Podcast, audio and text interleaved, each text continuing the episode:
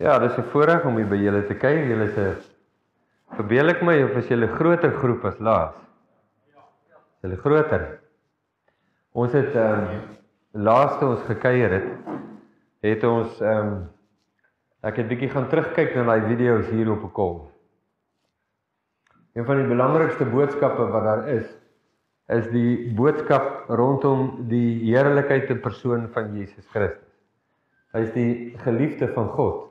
En daar is daar is iets oor Jesus wat die hele wêreld verander. Ehm um, wel letterlik en figuurlik. Daar sou nie 'n wêreld gewees het as dit nie vir Jesus was nie. Hoe weet ons dit? Want die Bybel sê dat niks het ontstaan wat nie deur hom ontstaan het nie. Daar sou niks gewees het geestelik, uh, onsigbaar of sienlik in die hemel en op aarde, skryf Paulus in Kolossense 1 as dit nie was dat God die wêreld deur Jesus gemaak het en vir Jesus gemaak het. Wat 'n geweldige openbaring om te verstaan wie is Jesus? Die plek wat Jesus inneem, die heerlikheid van Jesus. En dit is Jesus wat aan alles lewe gee. Skryf Lukas in Handelinge as hy sê in hom leef ons, beweeg ons en voer ons se bestaan. Hy is die instandhouer van die heelal. Nou dis altyd vir my so snaaks as ek by die versie afkom wat sê dat Jesus is die instandhouer van alles. Want dan dink ek sommer aan my situasie daar by my huis. Hoe moeilik is dit vir my om my eie agterplaas in stand te hou? En Jesus hou die heelal in stand. En uh en uh, jy weet watter probleem is dit om my globes te ruil wanneer hulle blaas? En Jesus gee energie nie net vir die son nie, maar vir al die sterre en planete in biljoene sonnestelsels, sterrestelsels in die heelal.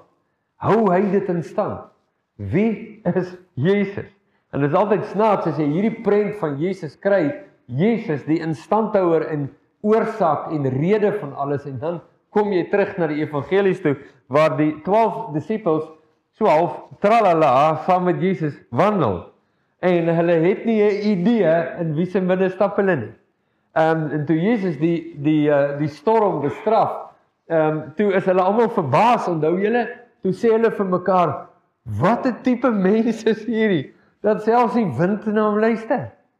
Uh en en hulle stap saam met Jesus en hy lyk soos hulle, hy eet wat hulle eet, hy doen wat hulle doen, hy's daar saam met hulle. Hy was 'n kind, het groot geword soos al die ander kinders en uh, hy dra klere wat hulle dra, hy dra die sandale wat hulle dra en hy gee hom oor aan die hande van mense Filippense 2 dat hy hom nie net verneder het om 'n mens te word nie, maar ook hy het homself verder verneder tot die dood van die kruis sodat hy die bewerker van ons saligheid kan word.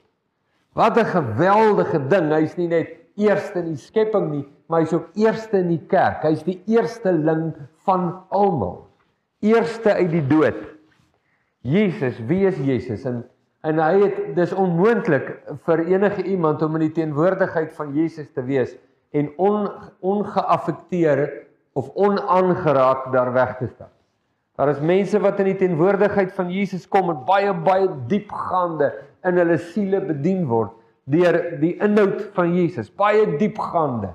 Dan is daar mense wat in die teenwoordigheid van Jesus kom en op hulle aangesigte val asof hulle dood is. Johannes, die skrywer van Openbaring, is een van hulle. Toe hy Jesus sien in sy opgestane kapasiteit, sy heerlikheid, toe val daardie selfde Johannes wat aan die bors van Jesus gelê het, val op die grond soos 'n dooie.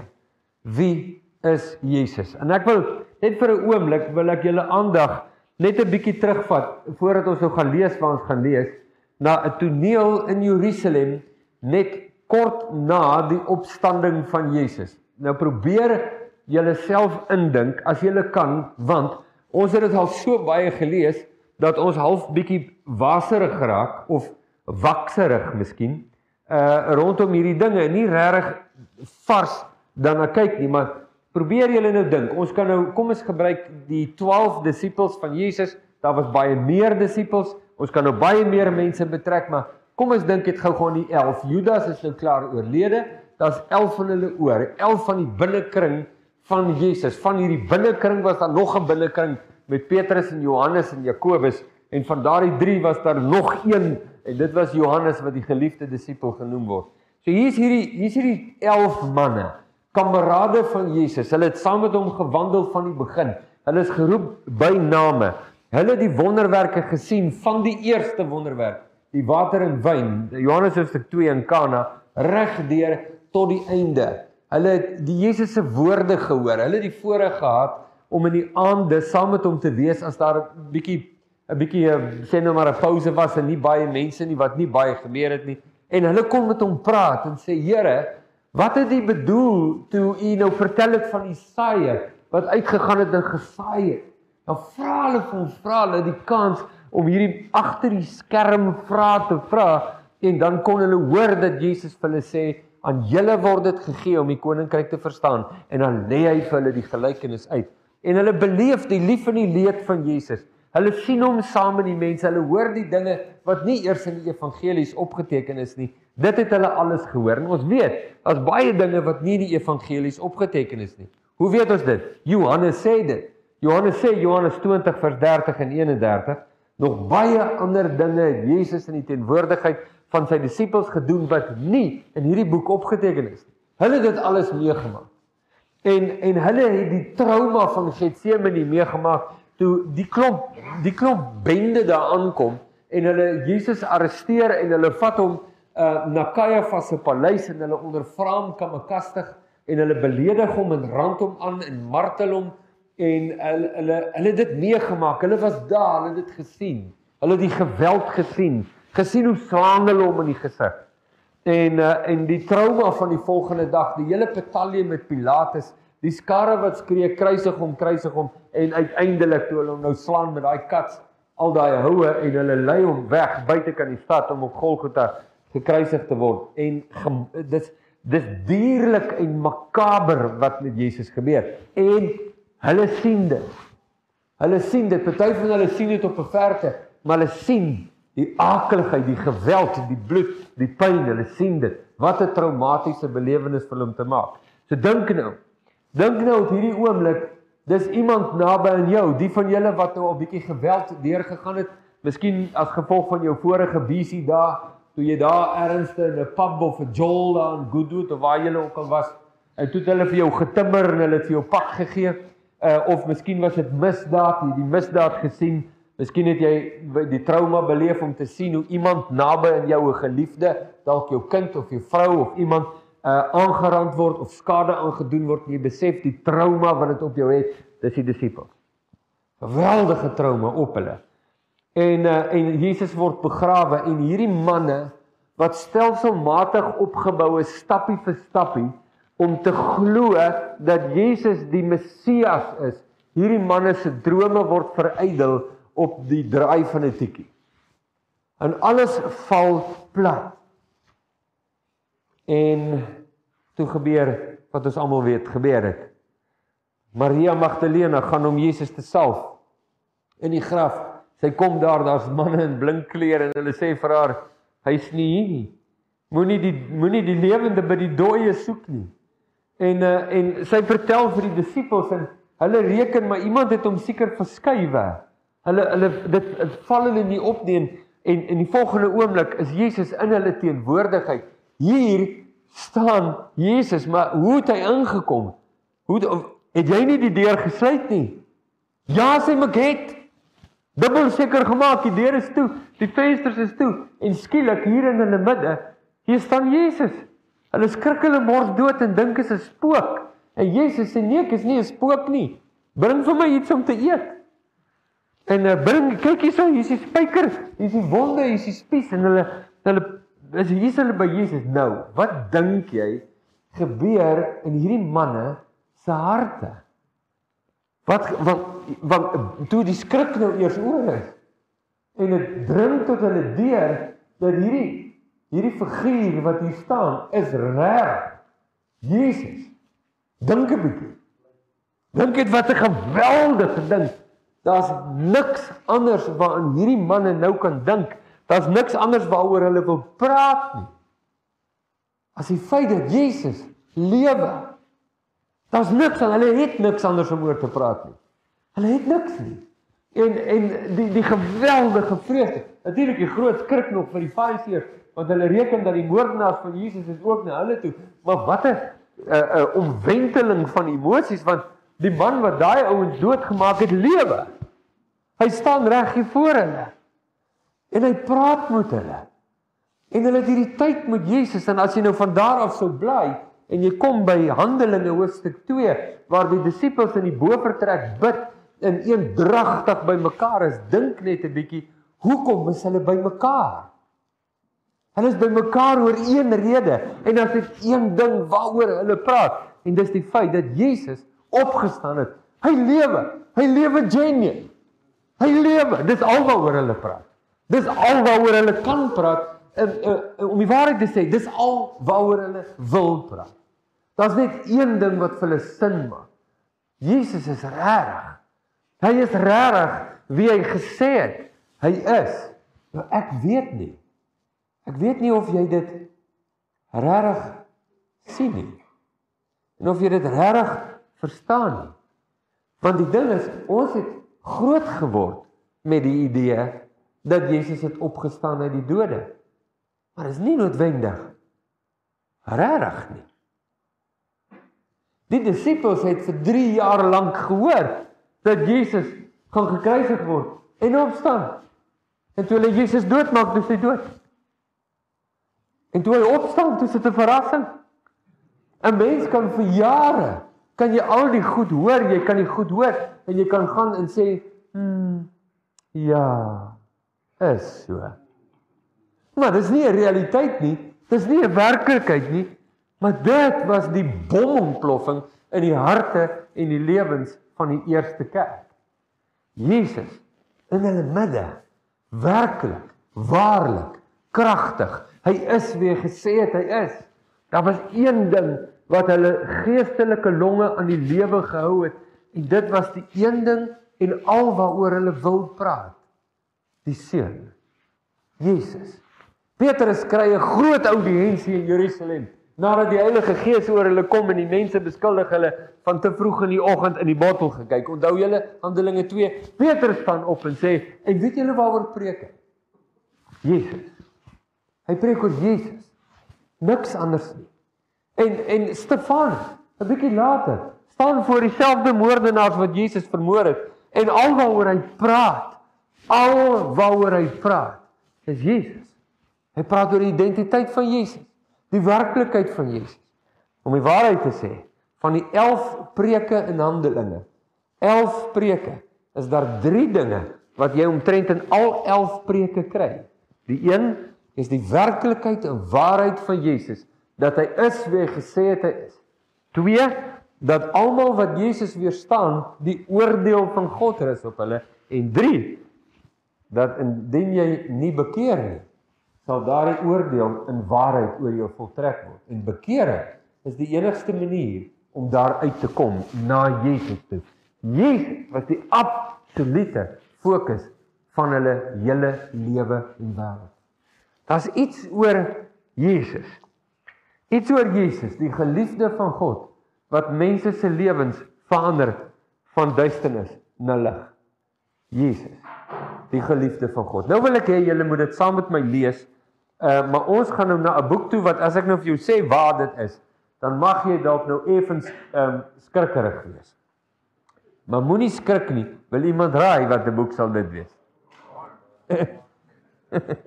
Julle het afgekyk, julle het gekyk waar bly ek heen. Maar my Bybel is dalk onderste bo, dis dalk Genesis.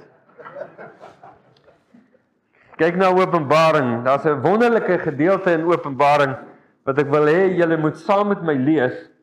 En ehm um, ons gaan ons gaan nou nie uh soos wat die boek geskryf is want die die boek uh het uh, het 'n klomp visioene in die boek.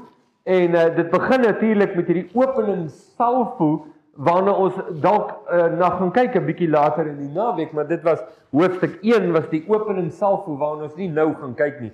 Maar wat 'n kosbare openbaring van Jesus in hoofstuk 1. Jesus die verreëse opgestane Christus, maar in besonder in hoofstuk 1 Jesus die regter van God. Die en die effek wat dit op Johannes het. Johannes val op die grond soos 'n dooie toe hy Jesus sien in sy majesteit en heerlikheid. Maar maar so ontvou die openbarings en die visioene in Openbaring die openbaring van Jesus in hoofstuk 4. Ons gaan ook hier nou daar lees nie, ek gee jou net agtergrond.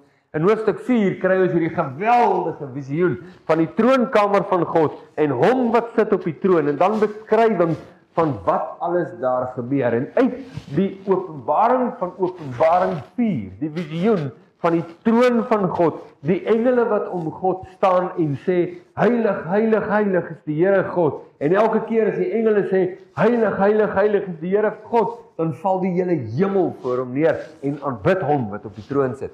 Nou uit daai beeld kom die volgende en dis wat ons gaan lees. En dit is Openbaring hoofstuk 5. En dit is so kosbare want ons gaan iets raak sien van Jesus wat so kosbaar is en wat die absolute fondasie ook is van die kerk. Jesus. Wie is Jesus? Ekskuus, uh, voor ek al lees, wil ek julle herinner ek het aan die begin toe ek nou begin het, uh, het ek nou verwys na 'n vorige keer wat ek hier was en gepraat het oor Matteus 17 waar God sê, "Dit is my geliefde seun, 'n week welbaai, luister na hom." Net daar's net twee goed wat ons hoef te weet. Wie is Jesus en wat sê Jesus? Daarin lê al die genade al die guns, al die heerlikheid, al die waarheid van God wat ons ooit mag nodig hê in die seun.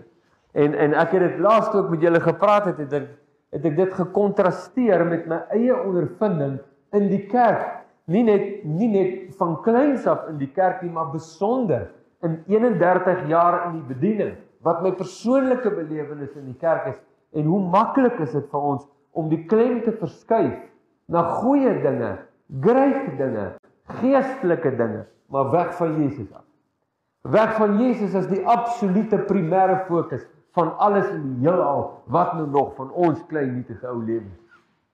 Maar hier's 'n toneel in Openbaring 5 wat wat ek nou net vinnig met jou deur gaan gesels en dan wil iets vir jou uit uh, uitlig wat so uniek is oor Jesus. Nou, ons begin by vers 1. Ek lees in die 53 vertaling en daar staan Johannes is nou aan die woord En hy skrywe, wat sien hy nou? Kom nou nog uit hoofstuk 4 uit. En ek het aan die regterhand van hom wat op die troon sit, 'n boek gesien van binne en van buite beskrywe en met sewe seels goed verseël. Nou ek wil dit net vinnig met jou deurgesels want dit is dis geweldig simbolies Openbaring en die boodskap van Openbaring word verskans in die simbole en en 'n baie kosbare gedagte om in gedagte te hou is dat die eerste ontvangers van hierdie boek het verstaan wat hier staan. Dit was nie vir hulle 'n enigma nie. Hulle het geweet wat hier staan. Dit was duidelik, want as hulle dit nie verstaan het nie, kon hierdie boek hulle nie bedien het nie. En hulle het bediening verskriklik nodig gehad. Hulle het nodig gehad om die openbaring van die heerlikheid van Jesus op 'n nuwe manier te sien. Hoekom het hulle dit so nodig gehad vanweer die omstandighede waarin hulle was en dit sal ons kan bietjie later in die naweek of môre dan nou 'n bietjie meer daaroor gesels. Maar hierdie mense was so ten diepste verdruk vir hulle geloof in Jesus. So ten diepste vervolg en ontneem en teengediskrimineer en selfs doodgemaak oor hulle geloof in Christus Jesus. Ons sit nou nou en praat hier um, hier so in 'n kol hier. Sê ek maar jy weet vandag uh vandag moet iemand net iets skeef van jou sê en dan dink jy jy word nou vreeslik vervolg. Net vreeslik. Jy weet so aan jy kom by die huis en jy loop oor van die selfbejammering en en stuur WhatsApp en almal moet nou vir jou bid want jy kry dit nou regtig moeilik by die werk. Hierdie mense is verlieuws gegooi. Hierdie mense is met teer gesmeer en aan die brand gesteek. Hierdie mense is aan wilde diere vasgemaak en deur die strate gejaag. Geweldige goed met hulle gebeur. En hulle het nodig om die heerlikheid van Jesus te sien, want as daar een ding is wat die siel van 'n mens kan optel, al verander sy omstandighede nie, dan is dit die heerlikheid van Jesus. Daar's iets oor Jesus. En nou gebeur, so die toneel wat jy nou sien, so jy het die troon en God wat sit op die troon en in sy regterhand wat die simbool van sy majesteit en sy mag en sy krag is. Nee, om die simbolies om te sê iemand ek sit aan die regterhand of hy is die regterhand. Beteken jy jy nie net sit jy in die guns van die gesaghebbende nie, maar jy's ook aan die uitvoerende kant van die gesaghebbende. In sy regterhand, die hand van die simbool van mag en krag. Hou God 'n boekie vas.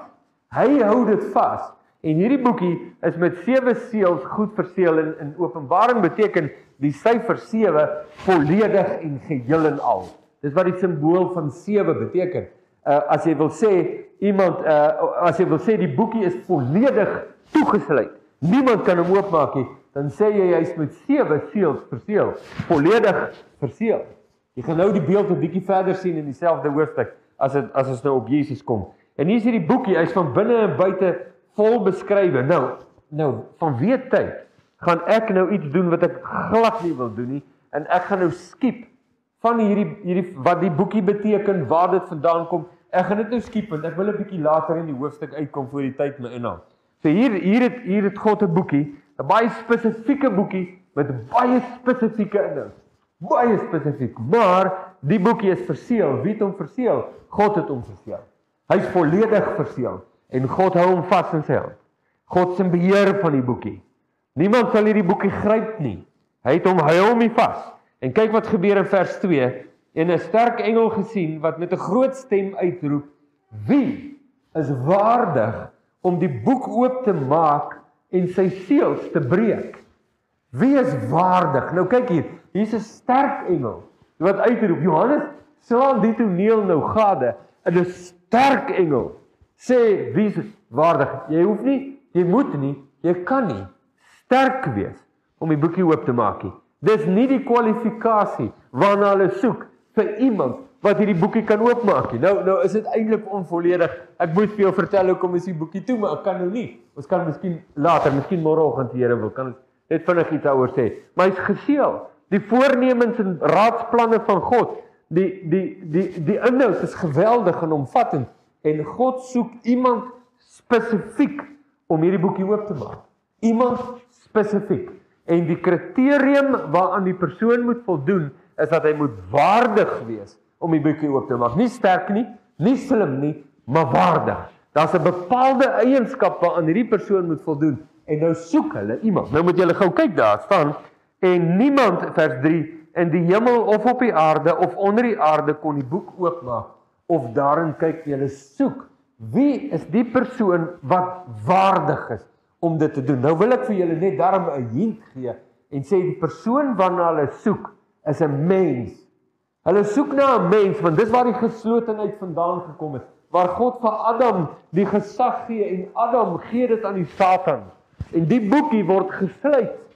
En hulle soek 'n mens wat 'n mens, net 'n mens, kan die boekie oopmaak want so het God dit bepaal.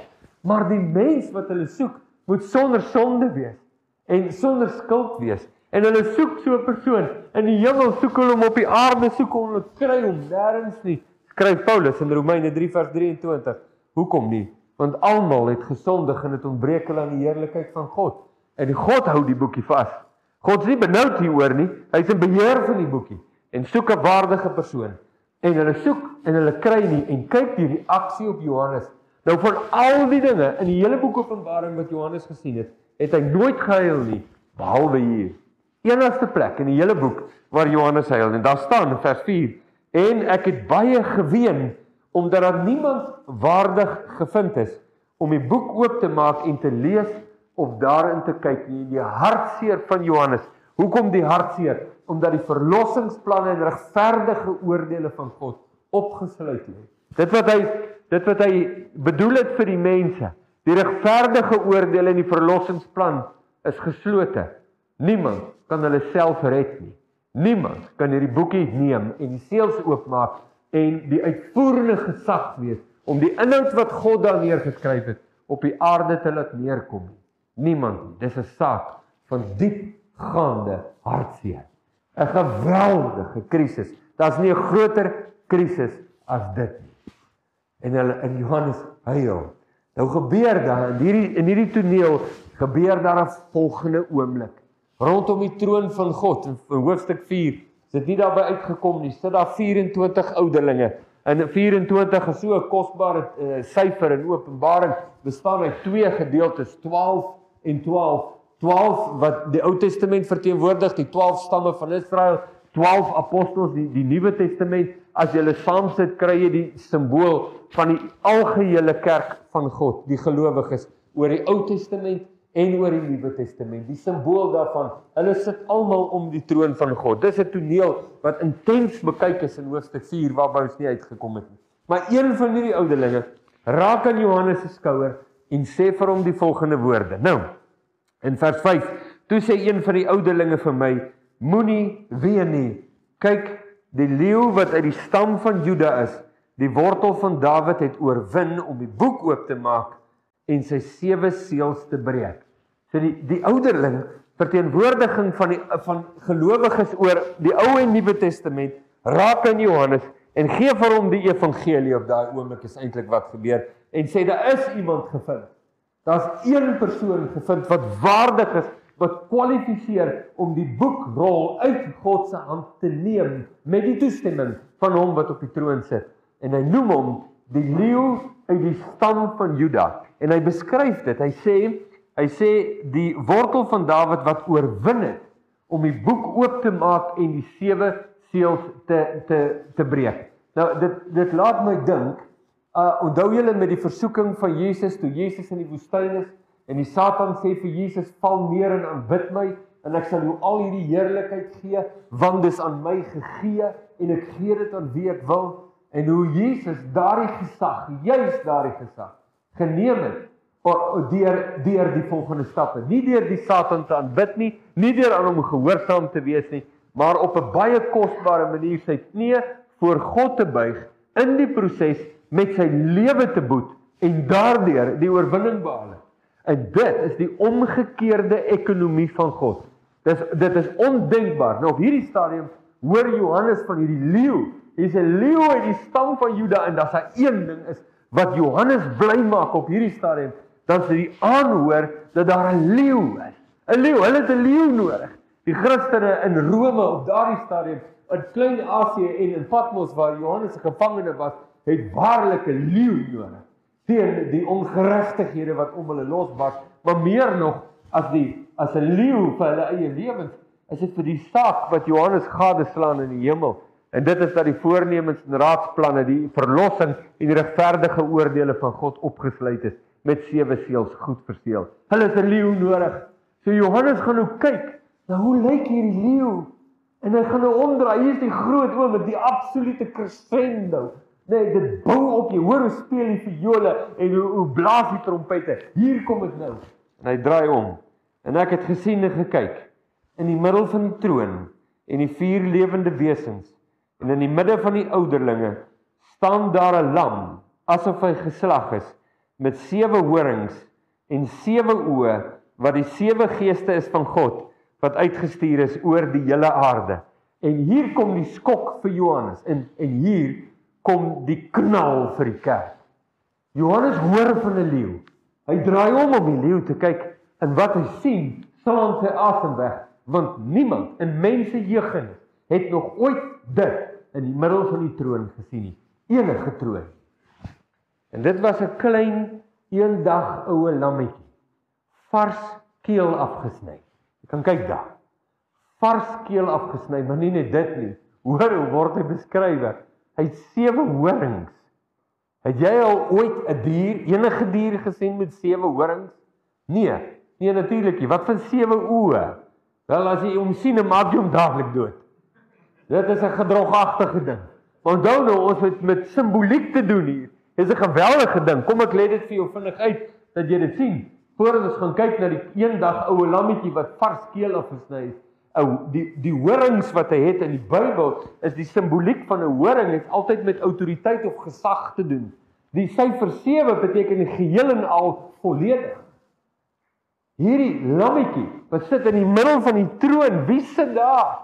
In hoofstuk 1 sien Johannes net vir God die Vader. Hy sien net vir God daar. Maar in hoofstuk ag in hoofstuk 4, skus, maar in hoofstuk 5 kyk hy bietjie meer en hy sien wag wag wag. Hy sien nog iets. Hy sien in die middel van die troon sien hy 'n 'n vars geslagte lammetjie met volledige autoriteit. Absolute autoriteit. Sewe horings. Sewe oë. Oë beteken die simboliek van oë is is insig om te kan sien en te kan verstaan en wysheid.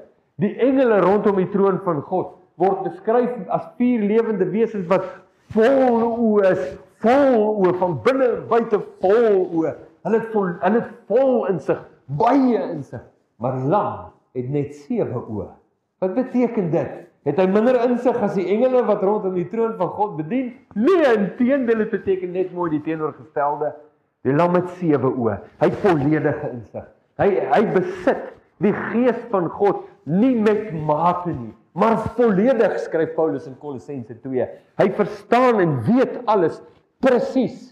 Hy het oë soos vuur vlamme skryf die skrywer van Hebreërs 4 vers 12 en 13. En alles is oop en bloot voor die oë van hom met wie ons te doen het.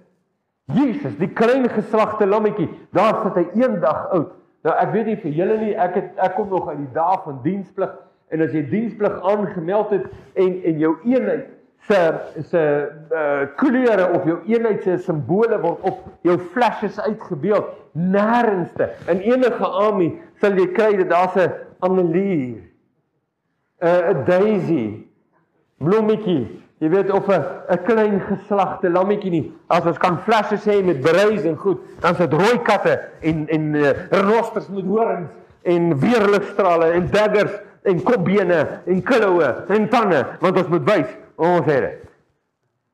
Ons het dit. Dis wanneer ons ons krag wys, maar wanneer God 'n kans kry om sy absolute krag tentoon te stel, dan wys hy vir die wêreld 'n lammetjie. En dit slaan almal se asems weg. Niemand sal 'n lammetjie wees nie. Niemand nie. Ek het 'n ek het 'n vriend wat my wat my help uh, uh hy wel hy was my my vrou se instrukteur ek noem hom sommer so om te wild camp en diep in die bosse in te gaan en daar te oorleef vir dae of weke self en hy het my gele my so groot fris ou en as ek hom nou onge, ongemaklik wil maak groot sterk ou hy's heel wat ouer as ek my net sulke spiere sulke hande nee sulke hm, En as ek hom nou wil ongemaklik maak, dan moet ons nou om die kampvuurtjie sit as ons saam is, dan moet ek nou vir sy naam is Rian. Dan moet ek vir hom sê, jy weet Rian, ek's nou eintlik baie pieperig jou. Dan begin Rian so ongemaklik skuwe, want niemand, geen respekteerbare man, sê hy's pieperig. Dan sê ek vir hom, ja, maar wag, dis nie al die ek kook mos maklik sag. Ooh, dan is hy Rian so ongemaklik.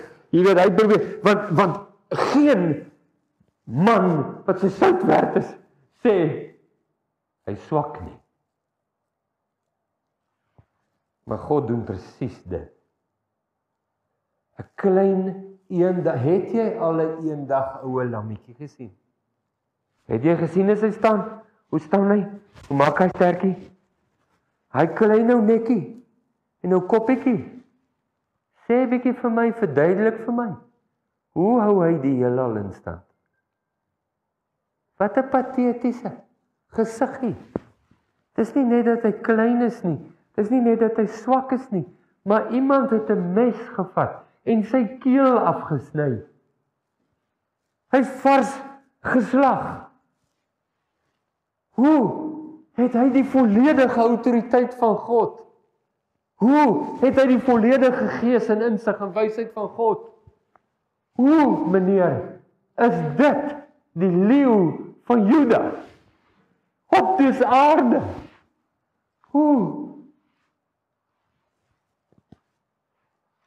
En Johannes skryf dit toneel verder. Hy sê en hy het gekom vers 7 en die boek geneem, nie gegryp nie, geneem want hy kwalifiseer en hy's die enigste een wat kwalifiseer. Hy het die boek geneem en toe hy die boek neem, Hy het die boek geneem met die regterhand van hom wat op die troon sit.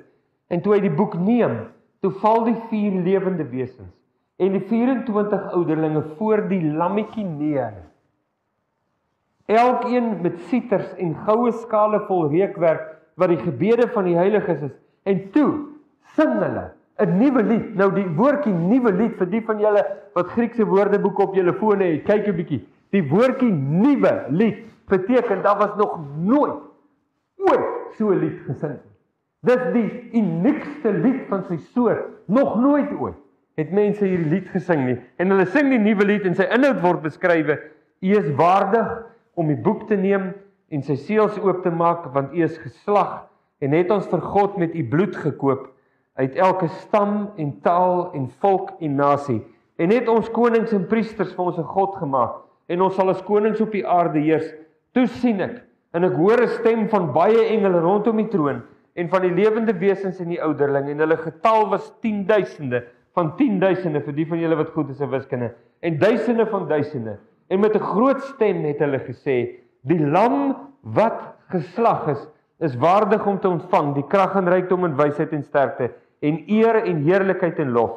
En elke skepsel wat in die hemel en op die aarde en onder die aarde en wat op die see is en alles wat in hulle is, het ek hoor sê aan hom wat op die troon sit en aan die lam kom toe die lof en die eer en die heerlikheid en die krag tot in alle ewigheid en die vier lewende wesens het gesê amen dis hoe ons weet dat die hemel is apostolies vanaand nê nee? amen en die 24 ouderlinge het neergeval en hom aanbid wat lewe tot in alle ewigheid dink net gou saam met my vir 'n oomblik die geweldige moment wat Johannes besef dat niemand is waardig nie en hy ween want daar's geen hoop vir die heelal of die mense nie. En iemand raak aan hom en sê kyk na die leeu en hy kyk om en hy sien 'n lammetjie.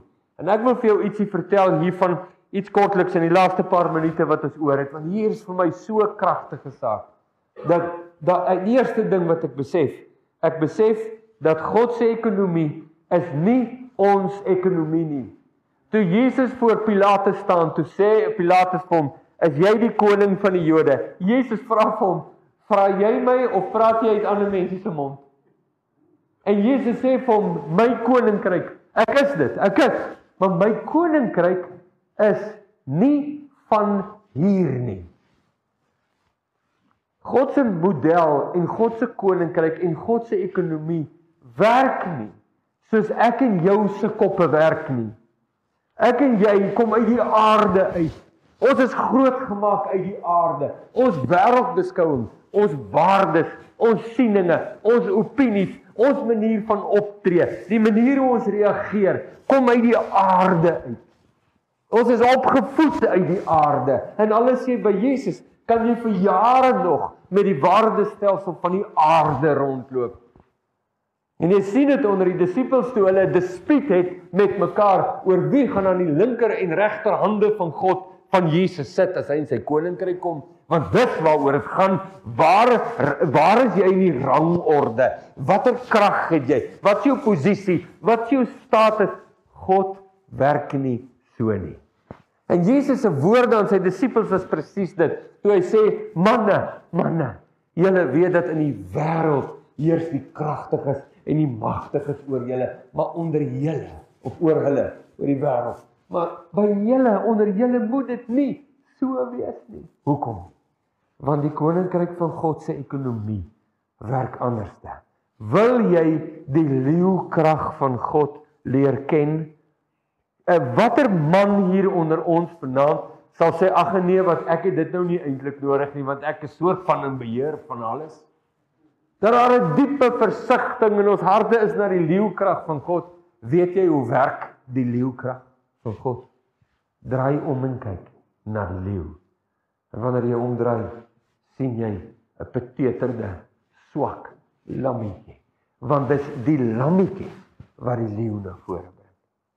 Die pad van die lammetjie wat die heerlikheid van die leeu bring. As jy die lammetjie nie verstaan nie, sal jy die leeukrag van God nooit verstaan nie. As jy die lammetjie soek nie, nie soek nie, sal jy die leeukrag van God nooit vind nie. Die leeukrag lê in die swakheid van die lammetjie. Sien die lam. Daar was so lieke jare terug. Uh, behold the lamb. Kyk na die lammetjie. En daarin openbaar God sy absolute krag. Skryf Paulus vir die Korintiërs, dis dwaasheid vir die Grieke en 'n struikelblok vir die Jode, maar God het gekies om deur die dwaasheid van die evangelie die te red wat glo. Dis die dwaasheid van 'n geslagte lammetjie wat die leeu laat brul. En dis nie net in die lewe en persoon van Jesus waar ons dit raak sien nie, maar wanneer jy deel is van die koninkryk van God. As jy vanaand hier sit en jy kan sê waarlik, ek is deel van die koninkryk van God. Hy het my uitgehaal uit duisternis en oorgebring in die koninkryk van die seun van sy liefde. Dan wil ek vir jou sê daar's een ding wat deurgangs in jou lewe werk en dit is die gees van die lammetjie. Dat God leer jou en wys vir jou hoe om die pad te stap van hom wat jou siel nie met goud en silwer gekoop het nie, maar met sy kosbare bloed. Dit was bloed wat dit gekoop het. En die pad wat ek stap hier op aarde om by die leeukrag van God uit te kom, ook in my lewe, is die pad van hom wat op die troon sit. Die pad van die lammetjie. En God lei my as sprits en doelbewus. Sê Paulus in Efesiërs 4 dat die doel van God is dat ons almal sal opgroei tot die volle mate van die grootte van Christus. Weet jy wie is Christus? Weet jy dat hy die lammetjie is? En in jou huisgesin, by jou kinders en by jou vrou en jou onregverdige pisang van 'n werkgewer. Miskien is jy die pisang nou. Ek weet nie. Maar weet jy wat is Paulus Petrus se raad aan die gelowiges? In 1 in 1 Petrus 2, ek dink dit is vers 17 sê hy vir hulle: "Wees, hy sê diensknegte, wees aan julle Here, julle werkgewers gehoorsaam met alle vrees, nie net aan die wat goed en vriendelik is nie, maar ook aan die wat onregverdig en verkeerd is." Wat leer hy vir hulle? Leer hy vir hulle soos ek daar om die kampvuur vir my vriend sê, "Jong, ek kook mos graag sag." Ek is maar vreeslik pieperig en dan dan lag ek oor hoe skuif Orion so ongemaklik want 'n man sê nie dit nie. Nee, God leer hulle nie om pieperig te wees nie. Hy leer hulle iets ver meer as dit. Hy leer hulle die pad van die lammetjie. Want dis die lammetjie wat die krag van God na vore bring. En alles in my en jou omdat ons uit die aarde uitkom. Skree daarteen. Want ons wil nie die ons soek die naels en die tande en die horings en die kopbene en die daggers en die beerligstrale. En God sê ek sal jou dit alles wys. Maar hier loop die paadjie. Dis een bloedstreep tot daar. En ek sê nee nee nee, wat het jy nie 'n ander weer gehad? Maar jy hoor dit om die braaivleisvure. Jy hoor dit wanneer die manne die politiek begin bespreek en wanneer die manne begin dink wat hulle dink is die is die antwoord vir Suid-Afrika en weinig sal jy iemand hoor en sê wat van die lammetjie? Niemand sal dit waag nie. Want jy wil nie soos 'n urk klink saam met jou pelle nie.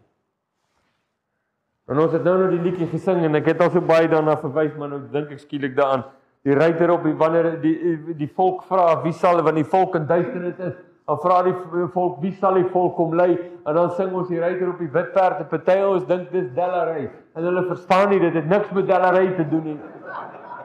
En dit is hoe ons is ons is opgegeer daarvoor. Ons dink dat krag beteken om te oordonder. Ons dink krag beteken om te manipuleer en te beheer en te oorheers en ons verstaan nie dis nie krag nie. As jy krag wil sien Kyk hoe God dit doen. En hy stuur sy seun, die een wat die heelal in stand hou. Wat aan die son sy krag gee. En hy kom na flimsy mense soos ek en jy en hy gee sy lewe oor. En jy dink, moenie stupid wees nie. Wat 'n regdenke doen dit. Presies. God is nie 'n regdenkende mens nie. Hy is God. En hy weet. En hy vat 'n lammetjie. En dis wie Jesus is. Moet hom nie onderskat nie. Want jy as jy jou rug draai op die lammetjie, sal jy op 'n manier kennis maak met die leeu in die stam van Juda wat jy ek hoop jy nooit meer kennis Maar daar is die geheim. En die kerk van Jesus Christus wat voor die troon staan en hom aanbid wat op die troon sit, ken die pad van die lammetjie. Dit staan in Openbaring 12 vers 11 as daar gepraat word oor die groot draak die Satan laaste versie, laaste gedagte. Groot draak van die Satan, intimiderend en groot en hy het regte naels regte tande en niks rabber aan die Satan nie. As hy krap loop die bloed. Hy kan lewens verwoes. Hy kan nasies ontdolwe. Is absoluut waar. Die groot draak. En dan staan daar in Openbaring 12 vers 11 en hierdie klein peteterde groepie wat hulle noem die sekte van die weg. Klein ou groepietjie, kinders van die lam, lammetjies, eendag oud, vars geslag, stap dieselfde pad as hulle meester. Hierdie klein beteterde groepie het die draak oorwin.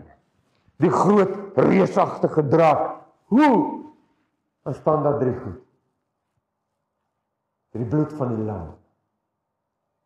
Die woord van hulle getuienis en hulle eie lewe tot die dood toe nie liefde het. Die pad van die lammetjie. Nou wil ek vir jou vra, watter gedagte om hier af te sluit? Nie nie weet, nie of dit jou 'n watter gedagte is nie, maar vir my is dit massief om te dink. Is dit die Jesus wat jy volg? As jy 'n disipel van die lam wat eintlik 'n leeu is. Maar hy brul deur lammetjie te wees. Is jy die volgeling van hom wat op die troon sit, klein en geslag, tog volledige autoriteit, volledige insig, volledige gees van God met hom. Is jy die leerling van hom? Kan 'n mens dit sien in die manier hoe jy jou lewe neerlê, nie net vir hom wat op die troon is, maar almal om jou. Dit is nie natuurlik nie. Dit is nie hoe jy gebore is nie. Dis nie waar jy vandaan kom nie, maar dit is wat lam aan jou gedoen het. Dit wie jy is. Of weerstaan jy hom nog steeds? Soek jy na die leeu op 'n verkeerde manier omdat jy nie weet dat dit die pad is wat God met jou stap nie. Die pad van die lammetjie. Dis 'n goeie vraag. Is dit wie jy is vanaand? As dit nie is nie. As dit is. Halleluja. As dit een respons in so 'n persoon se hart. As net een, net een respons. Dis nie twee nie, as dit een. Dit die een is om te sê aan hom wat op die troon sit, kom toe al die lof en die krag en die eer en die heerlikheid waardig gesien. Das is dis die enigste respons. Maar as dit nie is, dan sal jy hoor in jou hart hoe die Heilige Gees met jou praat en vir jou sê op die weg waarop jy is, is daar nie lewe nie. Daar's nie krag nie en daar's nie heerlikheid. Die enigste manier is om jou lewe neer te lê. Die lammetjie. Behold the lamb. En dis waar jy in die Heilige Gees jou sal trek na die geliefde van God. Daar is nie 'n ander weg wat jou familie betref, wat jou kinders betref, jou vrou betref, jou finansies, jou toekoms, jou ou goedjies, jou werk, jou huisie, jou belange, jou pensioen, jou verlede, jou toekoms, jou ambisies, jou drome, jou hede. Daar is nie 'n ander weg as die weg van die lammetjie. Moenie so dom wees as om te weier om te buig wanneer almal voor hom neerval. Buig jou hart. Kom ons bid saam. Here Jesus. Hoe geweldig is die teenwoordigheid van Jesus die waarheid en die heerlikheid van die geliefde van God nie in ons lewens nie. Hoe 'n revolusie bring hy nie in ons harte nie. Hy is so anders. Alles is so anders in die koninkryk as waaraan ek gewoond is. Alles is anders. Hoe weier my vlees nie om die pad van die lammetjie te stap nie. Hoor nons vind my vlees nie daarin om te aanbid voor hom wat op die troon sit. En tog is dit my enigste verlossing. Daar's nie 'n ander pad nie. Here Jesus, vanaand saam met my broers wat dalk hierso sit nou en weet dat U praat met hulle. Omdat die pad van die lam nie hulle pad is nie. Hulle stap 'n ander pad, hulle stap 'n kerkpad, 'n godsdienstpad, maar nie die pad van die lam nie. Here Jesus, saam met hierdie broers wil ek my eie hart ook voor U buig. Sê Here, ek het U ver meer nodig as wat ek ooit gedink het of geweet. Daar is nie vir my 'n ander opsie. Daar is nie vir my 'n ander weg of 'n ander antwoord as die lam vars geslag op die troon van God. Change my heart, O God. Make it ever true. May I be like you. Dankie vir u bediening in ons midde. Mag u uself aan ons openbaar ook nie net nou en vanaand nie, maar ook môreoggend. In Jesus se naam. Amen.